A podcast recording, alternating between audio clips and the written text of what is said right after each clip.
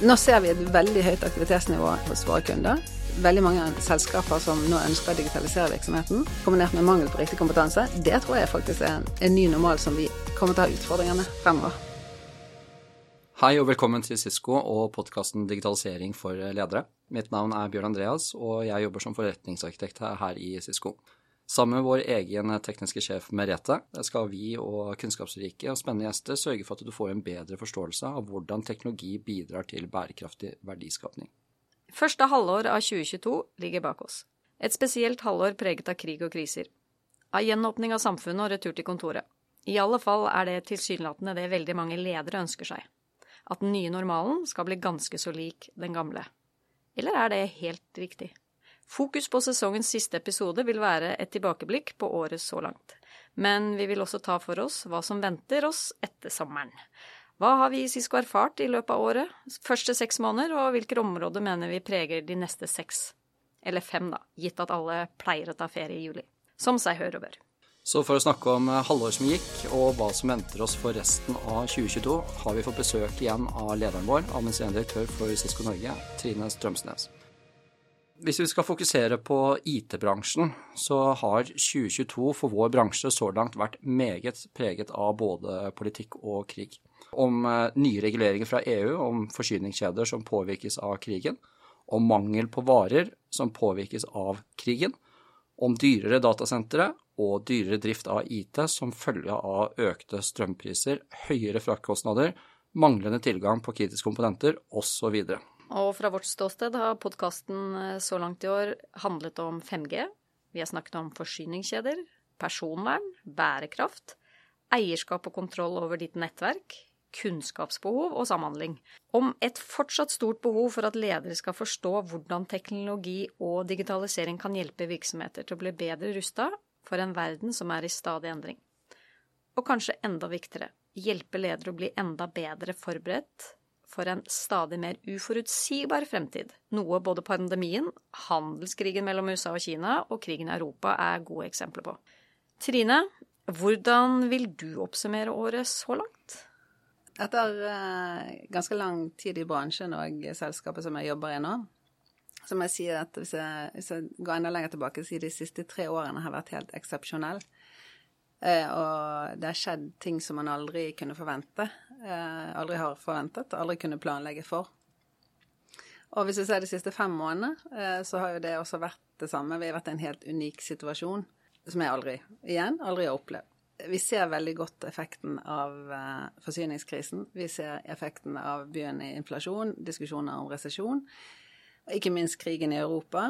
Vi som selskap, og sammen med veldig mange andre selskaper i, Norge og verden, er nå inne i hva jeg vil kalle et eksperiment med retur etter to år eh, med pandemi til en ny måte å jobbe på, en ny arbeidshverdag. Eh, det som er veldig positivt, da, nå snakker vi om krig og krig i Europa og eh, forsyningskrise er ikke noe som er positivt, men det som er positivt, er det at pandemien har gitt oss veldig mange kaller det hyperdigitalisering, eh, men veldig mange selskaper som før hadde planer om å gjøre noe, eh, har nå satt i gang de planene. Så det er veldig positivt. Så vi opplever ekstrem høy, eh, ekstremt høy aktivitet i, hos offentlig privat sektor, store som små bedrifter. Så, så, jeg vil si veldig positivt med veldig mye aktivitet. Og så har vi en, en del utfordringer som vi ikke har taklet før, som vi må finne ut av kanskje det, det, som jeg ser som det viktigste akkurat nå, er eh, Det er to ting. Den ene er den ekstreme risikonivået, det ekstreme risikonivået vi har nå i forhold til både med krigen, ja, mest pga. krigen, egentlig, men som gjør at vi har eh, vi, eh, Jeg har aldri sett et sånn så høyt risikonivå i forhold til datainnbrudd. Eh, og det er eh, viktig. Og så har jeg kombinert med ekstrem mangel på kompetanse. Og det er generell kompetanse. Og det er også eh, generell kompetanse i vår bransje. Eh, så jeg må si eh, jeg liker utfordringer, men akkurat nå så, så, er det nye utfordringer, og kanskje en uh, utfordringer som vi vil lære mye av i ettertid. Um, men det har vært en interessant første halvår. Så det er jo mange som stiller spørsmål om si, er den nye normalen lik den gamle? Vi vet jo opp igjennom at uh, disse krisesituasjonene har jo røska tak i ting. Vi måtte tenke ting på nytt. Og, og, som du er innom, Trine, nå ser vi jo både strømkrise, vannkrise, passkrise, flyplasskrise. Og, det kommer kanskje til å komme flere ting i kjølvannet med alt det som utspiller seg nå. Ting kommer jo til å endre seg. Hvordan ser du uh, den nye normalen? Ja, nå, nå, må jeg si at media er ganske flinke til å kalle det fleste, eh, meste ting en krise. Uh, men uh, altså jeg tror, jeg tror det, det, det, kan ikke kalle en ny normal lik den gamle. Jeg tror det som er viktig for oss, er Det vi gjorde når vi var under, under pandemien, så lærte vi oss kriseledelse, faktisk. Da måtte vi gjøre ting som var helt unormalt på veldig kort tid. Og vi måtte gjøre det basert på den informasjonen vi hadde der og da. Nå ser vi at vi, vi er i en sånn situasjon mye hyppigere, uh, mye mer. Vi må håndtere ting veldig raskt.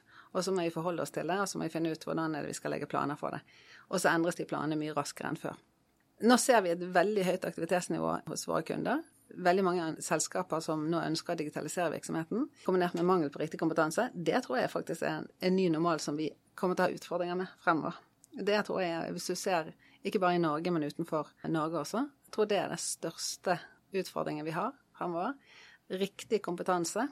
Ikke bare for digitalisering, men vi har i USA nå så er det vanvittig høy underskudd på ansatte. Det er underskudd på folk som tar jobbene. Så hvis du ser nå i, på flyplasser i Europa, og også i USA, så har jo de da eh, sagt opp ganske mange mennesker. Og da har de problemer med å få nok personer tilbake på jobb, og nok riktig type mennesker inn i de stillingene. Så vi har nye utfordringer som vi må håndtere på en annen måte. Og det tror jeg kompetanse, riktige mennesker på riktig plass, det er den aller største utfordringen vi har i mm. samfunnet i dag. Og du, nevnte, du startet jo med introduksjonen din og kalte den hyperdigitalisering. Eh, det er jo, For å få til det, så trenger du riktig kompetanse. Så det ser jeg jo at eh, det er kanskje vanskelig å få til eh, uten riktig kompetanse, ja. Men det var mange ledere som tidlig i pandemien flagget at digitale møter ga bedre kapasitet, bedre tilgjengelighet og høyere kvalitet. To år senere har pipa fått en litt annen lyd. Nå vil lederne ha ansatte tilbake på kontoret igjen. Hva er dine tanker egentlig rundt denne hybride hverdagen? Og du har jo vært i Dagens Næringsliv og snakket om det, så jeg har litt lyst til å høre deg også dele dine tanker her på den podkasten. Vi sa jo dette før pandemien, at vi veldig gjerne ønsket å få til det som vi har fått til nå. Det at vi opplever hvordan det er å jobbe på et annet sted enn på kontoret. At ikke vi opplever kontoret som stedet å jobbe på. Det så det var på tide med en pandemi, som gjorde at vi fikk oppleve det. Og dette har mange positive effekter. Og vi, som jeg nevnte tidligere, så var veldig flinke på kriseledelse når dette skjedde, og vi flyttet alle hjem. Så tok vi det som eh, vi hadde tilgjengelig, og gjorde egentlig noen raske løsninger. Og klarte å få det til. Og så eh, er vi nå tilbake igjen i en situasjon hvor de ansatte ønsker fleksibilitet, men ikke alle arbeidsgivere er enten villig eller i stand til å gi den fleksibiliteten. Vi i, vårt selskap har også gått ut ganske høyt og sagt at vi er 90 000 ansatte, og vi har en valgfrihet til å være på kontoret. Og eh, det er team og teamleder som sammen bestemmer hvordan dette skal gjøres. Og det er det jeg har virkelig tro på. Og jeg tror ikke på at vi har det endelige svaret på det. Jeg tror dette er, som vi også sier, det er et eksperiment. Men vi hadde også god erfaring med det før. Så dette var ikke noe eh, Det var ikke noe nytt for oss. Vi var vant til å ha den friheten og ha den tilliten og ha, den, ha de målene og eh, egentlig klarhet i, i mål for de ansatte. Hva det de trenger å gjøre for å lykkes. Nå har vi enda mer fokus, for det er veldig fokus rundt oss også på dette her med hybrid. Hvordan skal du gjøre det? Skal to dager hjemme, tre dager på kontoret. Um, jeg tror det som er viktig, det er, det er to områder. Du må tilrettelegge uh, praktisk, og uh, du må ha riktig kompetanse. Det er ett område, faktisk. Så kompetanse og tilrettelegge praktisk, og det gjelder uh, kom, Kanskje komme litt tilbake til senere. Og så må du ha en kultur og en tillit. du må ha tillit til de ansatte, og ansatte må ha tillit til deg. Men når du sier kompetanse, da, Trine, hvilken type kompetanse er det du tenker på? Jeg tenker kompetanse for de digitale verktøyene, det er én ting. Men også god møtekultur. Om du, om du har et fysisk møte eller om du har et digitalt møte, så gjelder det hvordan skal du ha en god eh, måte å jobbe sammen med andre på. Og det gjelder kompetanse hos leder, det gjelder kompetanse hos mellomledere, det gjelder kompetanse hos de ansatte til å gjøre dette. For det som jeg opplever veldig mye, det er veldig mange som spør hvordan skal jeg få dette til. Eh, veldig mye spørsmål. Eh, og i mangel på, eh, på, kompetanse, så gjør de det enkleste. Gjør, gjør vi eh, det enkleste, det er egentlig å ha et fysisk møte. Så det, det, det er kompetanse på alt ifra eh, hvordan du skal tilrettelegge praktisk. Det gjelder også kompetanse på hvordan skal du eh, sørge for at du har den tilliten.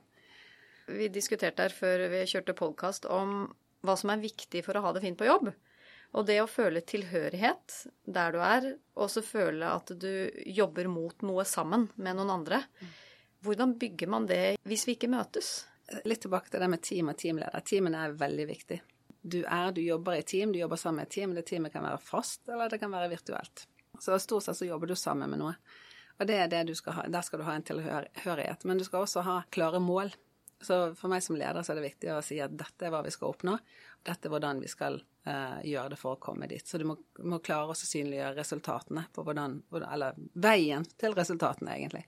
Uh, og så, så, er det litt det at du, du drar på jobb i alle undersøkelser vi har hatt i, opp gjennom tiden, så er det alltid én ting som trumfer alle ting, som gjør at det, eh, de syns det er bra på jobb, og det er menneskene. Og det er menneskene rundt seg. Eh, om det er ledere eller om det er nærmeste kollegaer, så er det menneskene som er viktig. Så du må jo skape en, en mulighet for oss å føle tilhørighet. Du må skape en mulighet for at teamene møtes, og også de større teamene møtes. Siden vi snakker om møter, og du sier det er en viktig del av eh, den nye hybride hverdagen, er dagens teknologi god nok til å supportere digitale og hybride møter? Eh, ja, det mener jeg absolutt. Eh, jeg mener det er evnen til å bruke den teknologien, eh, eller mulighet Altså kompetansen vår til å bruke teknologien eh, er kanskje ikke god nok. Jeg ser på det vi utvikler hos oss på Lysaker, og det vi brukte før pandemien, så var det bra nok for å klare den hybride hverdagen. Nå har vi gjort enda mer under pandemien for å sørge for at de løsningene vi har, de er enda bedre, og de er enda mer tilnærmet det fysiske møtet. Det er mye mer naturlig. Har du noen eksempler på det? Ja, altså Et eksempel som, kanskje ikke er naturlig i et møte, men uh, det at du gjør det bedre ved at du fjerner bakgrunnsstøy i et møte, det er ett eksempel på det. Og så er det en, uh, så enkel som når du møter noen på, du sitter deg ned i et møterom, så begynner du å snakke. Det skal være én knapp uh, å trykke på. Og det skal være så enkelt og intuitivt som mulig. Det skal ikke være vanskelig. Og så skal det være så god kvalitet som du har, så du føler at du har når du sitter og snakker med noen. Og så er det en ting som jeg mener er veldig viktig, det har jeg opplevd også før pandemien, det er at du faktisk at du har så bra kvalitet at du faktisk kan se hvordan de ansatte har det. Det som de hos oss kan mye bedre enn meg, mikromimikk, altså se hvis noen er trist, noen har det bra. Men også du har en mye bedre eh, opplevelse av den du sitter og snakker med. Eh, og det er jo så nært en fysisk opplevelse som mulig. Men det er jo også det er jo bare å ha et én-til-én-møte. Når vi snakker om hybride møter, som jeg opplever at uh, veldig mange spør, spør, om og er usikre på hvordan de skal få til. Hvordan har du et uh, møte hvor du inkluderer alle, og ikke sitter med ryggen til uh, de som snakker, at ikke har de langt oppe på veggen.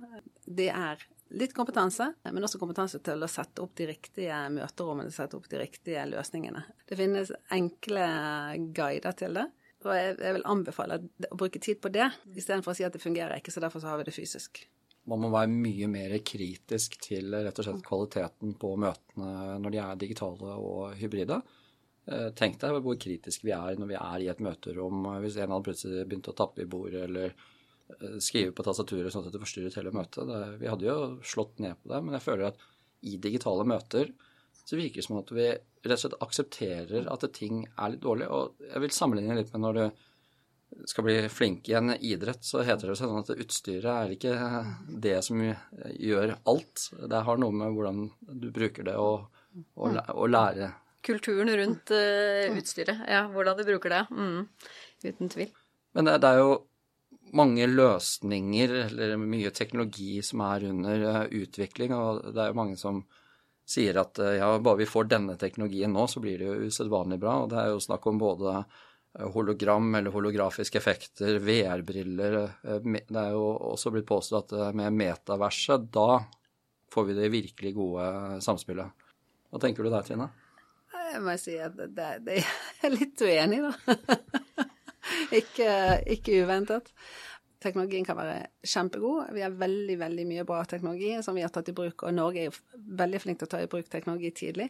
Men eh, hvordan vi bruker det, og faktisk igjen tilbake til hva jeg nevnte tidligere, at vi må trene, vi må kunne, vi må ha kompetanse. Vi må kunne bruke dette på en riktig måte. Vi må se på hvordan er dette tilpasset rutinene våre, prosessene våre. Og da får du teknologi som fungerer mye bedre. Og så tror jeg det at eh, hologrammer og VR-briller er bra til sitt bruk i noen bransjer. Eh, jeg tror ikke det er det som gir oss verdens beste møter fremover. Vi skal i hvert fall ikke sitte og vente på det. Ja, for enn så lenge så er det betraktet som spesialverktøy, da. Ja. Og um, kanskje det også er noe vi gjør feil, at vi generaliserer hva det å ha digitale møter og hybride møter, at det er one solution fits them all. Men at faktisk for noen innenfor sitt virksomhet, sine type aktiviteter, så vil den type teknologi være helt banebrytende. Altså Du ser eh, er leger i ambulanser eller ambulansepersonell eh, som er ute på et skadested, til de som jobber ute på en oljeplattform. De har behov for noe som hvor de kan jobbe, og de kan se egentlig gjennom sine øyne. Du kan ha en sånn, om det er hologram. eh, Du har behov for helt, et helt annet verktøy enn om du sitter og har et møte. Men jeg tror jo, hvis vi ser på hvordan, hvor du virkelig kan få banebrytende resultater av eh, den teknologien, så er det jo spesielt i de områdene der. Og med fare for liv og helse, blant annet, eh, hvor du kan gjøre ting på en, på mye mer automatisert måte med mindre fare for liv og helse, eh, og gjøre det på en mye bedre måte, mye sikrere måte. Så jeg tror jo på at den teknologien har, eh, har, er veld, veldig interessant og veldig lovende. Så tror jeg på at vi kommer til å få mange iterasjoner av det. Du har vært litt inne på det, Trine, men eh, jeg- spør allikevel, og setter litt paralleller til andre teknologiselskaper. Eh, Tesla og Apple er to eksempler på selskaper som gjør det nå obligatorisk for de ansatte å komme tilbake på kontoret. Ifølge en global undersøkelse fra Microsoft som ble gjennomført tidligere i år, svarte 50% at de ville kreve de ansatte å komme tilbake på kontoret. Og da fem dager i uken. I den samme rapporten svarte 52% av de ansatte at de planla å kunne jobbe hjemme. Og i det minste hybrid, i en eller annen forstand. Hvilke signaler får du fra norske partnere og virksomheter, og hva tenker du selv om denne hybride hverdagen? Signalet for er jo det at det er veldig mange som er usikre. Um, og vi har selv sagt at vi er et eksperiment. Um, vi har riktignok litt erfaring med det. Men veldig mange er usikre på hvordan de skal gjøre det, og, gjøre det, og det har, med, det har med tillit. Det har ikke med teknologien. Det har med tillit. Det har med tilhørighet, fordi at vi etter pandemien så har eh, så er det pekt på det som en, som en direkte årsak til at vi hadde the great resignation i USA. At eh, du opplever å jobbe på en annen måte. Eh, når du da tvinges tilbake, tvinges, så, så tenker du at da må jeg finne noe annet å gjøre på. Eller at du opplever at OK, nå må, jeg, nå må jeg gjøre noe annet. Så du har en ledere som er usikker på klarer jeg å beholde de ansatte, klarer å skape nok tilhørighet. Og så, er det, og så er det dette med å få de til i en travel hverdag, og det har alle nå. Hvordan skal jeg få til disse hybride møtene? Hvordan skal jeg sikre at jeg klarer å møte teamet hvis det er to stykker som sitter hjemme og fem stykker som sitter på- kontoret? Så de, de tingene i kombinasjon gjør at det er veldig mye usikkerhet, og det er den enkleste måten å si enten vi kjører to dager, kontor, to dager eh, hjemme og tre dager på kontoret, så må du sette deg opp en liste. Det er ikke fleksibilitet. Det er eh, like rigid som at du blir tvunget på kontoret, mener jeg. Men hvis du gjør eh, Jeg mener, eh, har veldig stor tro på det med teamet. Det er de du jobber sammen med. Og hvis du klarer å få teamet samlet, bli enige om hvordan du skal jobbe sammen, og så må du egentlig sørge for at du har en fleksibilitet til å endre ting underveis, at det jobbes tett. Og så jeg mener jo det at eh, det med tilhørighet, det er jo igjen tilbake til det er menneskene som du møter på kontoret, det er tilhørighet til kulturen, det er tilhørighet til selskapets mål, at du føler at du gjør en jobb som bidrar. Og da er det vi som ledere som må sørge for at det skjer. Og så, så selvfølgelig, vi ønsker å ha mennesker på kontoret. Vi, ønsker, vi har sagt at vi skal også ha et kontor. Og du må ha et kontor, du må ha et sted å møte menneskene. Så det å gjøre kontoret så hyggelig som mulig, det er jo det er noe vi gjør. Vi har is på kontoret nå. Vi har god kaffe. Barista to ganger i uken. Vi har god mat. Og så har vi soner som gjør at det er mulig å eh, kunne snakke uformelt med eh, kollegaer. Og kunne møtes litt uformelt. Og så, så gjør vi det hyggelig å være på kontoret. For sannhet, altså, det er jo bedre kaffe hjemme. Det er bedre lunsj hjemme, mest sannsynlig også. Eh, Det du ikke har hjemme, det er jo eh, alle kollegene. Igjen tilbake til de undersøkelsene vi har hatt, eh, hvor det er mennesker som de ønsker å møte. Og da må du også gi dem mulighet for å møte mennesker.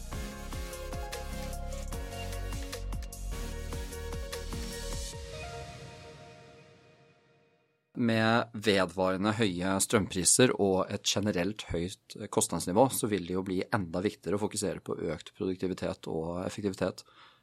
Hvilke teknologiske løsninger tror du vil bli toneangivende i tiden fremover? Jeg vil snu det litt på hodet. Teknologien er der allerede. Eh, det er hvordan vi tar i bruk teknologien, hvordan vi evner å ta i bruk teknologien, som blir viktig. Og eh, virksomheter, både offentlig og privat, Altså, nå skjer ting så mye raskere. Det er så mye mer volatilt, det er så mye mer dynamisk. Så vi som virksomheter, eh, om det er offentlig eller privat, må tilrettelegge for å kunne ta hyppigere og mer presise avgjørelser. Som vi så under pandemien også, eh, vi må ha en eh, mye større evne for å kunne tilpasse oss hva som skjer rundt oss, om det er krig i Europa eller om det er økende risiko for datainnbrudd. Ting som skjer rundt oss. Vi må ha mye større robusthet for å klare det, og dette er det teknologien kan hjelpe oss med hvis vi har kompetanse til å eh, implementere den riktig, eller ta den i bruk på riktig måte.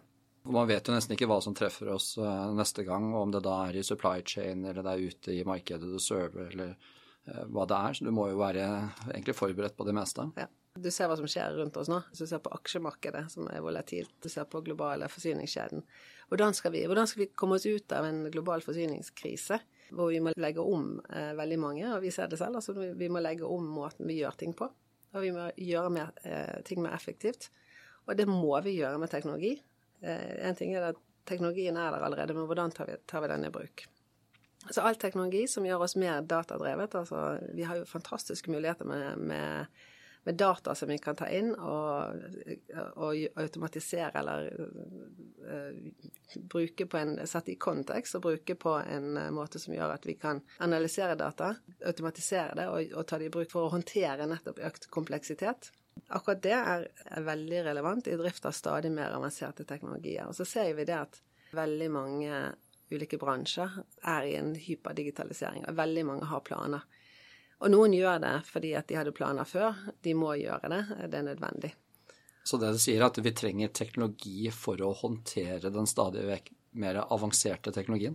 Uh, ja, kan jo si det sånn også. ja, men det er jo altså utviklingen av teknologien og, og ikke minst anvendelsen av teknologien går jo mye, mye raskere enn vi kanskje har tilgang på mennesker. Og til nå har jo vi ofte basert oss på manuelle prosesser. Så det er kanskje ikke så veldig rart at du trenger teknologi også for å drifte teknologien. Vi ser jo den der eh, kjente grafen hvor du ser eh, hvor mye ny teknologi som kommer, som er veldig, sånn, veldig rett oppe på grafsmessig, mens vår evne til adopsjon av den teknologien overhodet ikke følger utviklingen av teknologi. Så der er det jo kanskje teknologi som må hjelpe oss. Men Trine, med ny kald krig som en del av den nye normalen, hvor godt rusta er vi rent sånn IT-sikkerhetsmessig til å møte i gåstegn den vinteren som kommer?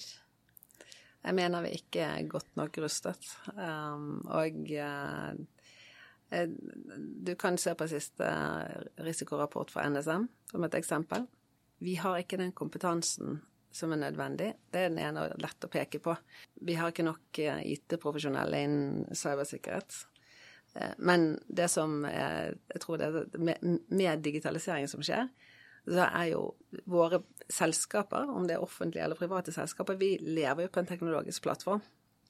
Og vi som ledere, og jeg som leder, må ta dette ekstremt seriøst, fordi at potensialet for at eh, noe kan skje med min, mitt selskap, er så mye høyere enn det var før mulighetene teknologien gir, oss, er veldig mye høyere, men også eh, sårbarheten. Hvis ikke vi har kompetansen til å ta de riktige beslutningene, den er mye, mye større.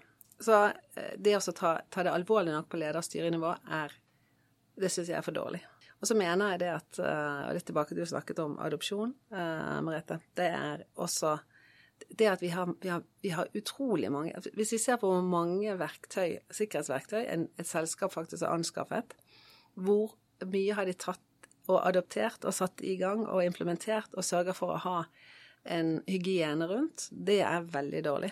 Altså vi ser det, og det, peker, det er ikke bare meg som, som, tror det, men dette her er satt på i NSMs rapport. Et eksempel på dette er multifaktorautentisering. Og det er data skal sikres. Uh, vi må ikke glemme det. Det er dataene våre vi skal sikre. Og dataene våre er gullet vårt. Og, og så har vi, uh, vi i bransjen også, syns jeg, vi må gjøre det litt enklere å ta i bruk. Uh, vi har en tendens til å snakke mye om risikoen som er der, mye om at dette øker. Men det å gjøre det enklere for bedriftene å ta det i bruk og skape en kultur, en sikkerhetskultur, er kanskje det første du gjør. Eh, for har du en sikkerhetskultur, så vet du hva du skal gjøre. Og så kan du ta i bruk teknologi og de verktøyene som vi har. For verktøyene og sikkerhetsarkitekturen, det, det mangler ikke på det. Men du må ha en kultur i bunn, og så eh, må du ta i bruk eh, teknologien på riktig måte. Et eksempel på det er jo eh, å faktisk trene dine ansatte på eh, å håndtere phishing-angrep. Trene ansatte på eh, hvordan eh, håndterer du hyppige passordendringer. Trene ansatte, og trene lederne også like mye. På hvordan håndtere data? Hvordan, mm. Akkurat. Eller, hva, eller, sikkerhet generelt, altså det å ha en god forståelse av altså, cybersikkerhet. da jeg tenker jo det er veldig mange som sitter på hjemmekontoret og jobber da med PC eller Mac utlevert fra arbeidsgiver, og den er sikkert sikret uh, veldig godt. Men rett ved siden av på pulten så er familiens uh, PC. Uh, og det er ikke sikkert den har alle de samme verktøyene på plass. og jeg erfarte her om dagen faktisk at jeg skulle ha et sånn color picker tool på Windows. Jeg skulle bare finne riktig farge, og det hadde ikke den applikasjonen. Og idet jeg søkte fram noe som virket legitimt, så så jeg at installasjonsfilen at her var det fish, dette var fishy. Men se for seg at jeg hadde installert da noe på denne eh, maskinen som plutselig åpnet opp kamera eller mikrofonen. Da står den der og plukker opp alt jeg sitter og gjør eh, på jobb eh, hjemme. Så hver og en må jo forstå nok om det her, at de også sørger for å sikre alt annet i miljøet rundt seg, og ikke nødvendigvis bare arbeids, i den maskinen arbeidsgiver har levert ut. Vi digitaliserer alle deler av samfunnet nå en basiskurs i sikkerhet. Eh, det skulle jeg veldig gjerne ha hos alle, fra grunnskole oppover. Og, og, og det å håndtere, håndtere, så enkle ting som Facebook eh, For du er veldig usikker. Gjør du de rette tingene? Har du gjort eh, Er dette riktig? Det er veldig mye usikkerhet ute. Og hvis ikke du klarer å sikre alle deler av samfunnet, så har jo du Klarer ikke du å sikre Norge? Klarer ikke å sikre bedriften? Vil det være store forskjeller her mellom hva offentlige og private virksomheter vil fokusere på fremover, tror du? Rundt IT-sikkerhet? Jeg, jeg, tror egentlig ikke det, eller mener det at det bør være det samme. Jeg tror det, det er like viktig å sikre, altså om det er kraftindustrien, eller om det er helse, eller om det er en eh, privat eh, bedrift. Eh, vi, det er stort sett data i det. Det er alltid data som skal sikres. Om det er persondata, eller om det er ansatte data, eller om det er eh, kraftdata så er det dataene som skal sikres. Så Trine, før vi lar deg gå årets sommerferie stå for tur, enten vi vil det eller ikke, hvor går ferien for deg? Ja, det går ikke så langt, da. Så, altså, sommeren må tilbringes når uh, været er bra. Eller så Når været er bra i Norge, så det er sommeren. Da er jeg i Norge. Og da er jeg nærmere bestemt på Hvaler. Kommer du til å logge av, eller jobber du litt hver dag for å holde deg à jour? Jeg prøver å logge av litt. Jeg prøver å ta såpass ferie at jeg klarer å jobbe meg inn i ferien, og så eh, avslutte, og så jobbe meg tilbake igjen. Så, og så koble av på midten. Men det, det er vanskeligere og vanskeligere. Ferieminner. Er det Facebook, Instagram, Snapchat eller TikTok du står for, eller er det LinkedIn for alle penga? jeg har, jeg har veldig klar Jeg har prøvd å holde en sånn eh, strategi som er, er litt, litt, dårlig på for øyeblikket, men Facebook eller Instagram for privat LinkedIn for jobb. Og jeg mikser det ikke, uh, for da får jeg veldig mange dårlige venner. Så det blir ikke noen TikTok-dansevideoer eh, fra deg nå i sommer? Du merket at jeg ikke nevnte TikTok? Blir det radio, eller uh, abonnerer du på podkaster? Podkaster, audiobøker, uh, helt klart. Men hvis du hører på de, eh, podkast, hvilke podkaster er dine favoritter? Håpløst nyhetsorientert. Eh, oppdatert. Eh, på NRK, og så var det en stund Aftenpodden. Nå har jeg sett uh, en som jeg har lyst til å se på er litt sånn tech-podkaster også. Selvfølgelig digitalisering for ledere. Um, men en som jeg nå har opplevd som en veldig dystopisk gråsoner om krig i Europa. Så den har jeg bare begynt å høre på. Og så endrer det seg veldig der hvor jeg er. Ferie så har jeg ikke så veldig lyst til å høre på bare teknologi. Så hvis vi tar fem på rad kjapt nå da, Trine. Reker eller biff? Reker. Vin eller øl? Vin. Elbil, diesel eller bensin? Elbil, nettopp bestilt. Og har fra før. Fysisk eller digitale bøker? Eh, mest digitale. Og da fag eller krim? Altså, jeg, jeg må ha litt krim i ferie. Ja, men hvis du skulle anbefalt en fagbok alle ledere eller aspirerende ledere bare må lese, så er det? Ja, nei, Nå har jeg akkurat blitt presentert for eh, Eller nå har jeg funnet ut at jeg må lese 'Zone to Win', Jeffrey Moore, for andre gang. Jeg leste den i 2016 og 2017, eh, og dette her er faglig relatert, fordi at vi begynner å Jeg kommer til å ha mer med det å gjøre. Den er fremdeles veldig aktuelt, og det er om eh, hvordan du skal vokse i, eller hvordan du skal kannibalisere deg selv, som det heter. Disrupte deg selv. Og det trenger vi frem. Innovasjon er viktig. Uh, tenke nytt er viktig. så den er bra. Tusen takk for at du kom innom, Tine, og tusen takk for deg som lytter på. Og tusen takk for oss, Bjørn Andreas. Nå er sesongen over for denne gang. Men fortvil ikke, vi er tilbake med ny sesong, nye episoder og nye gjester i august. Så likte du episoden her og vil forsikre deg om at du får med deg den nye sesongen etter sommerferien, så bør du abonnere på Digitalisering for ledere nå.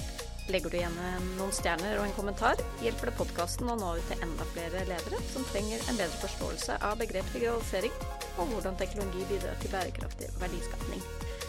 Ha en fantastisk sommerferie så lenge vi høres. God sommer, alle sammen. God sommer.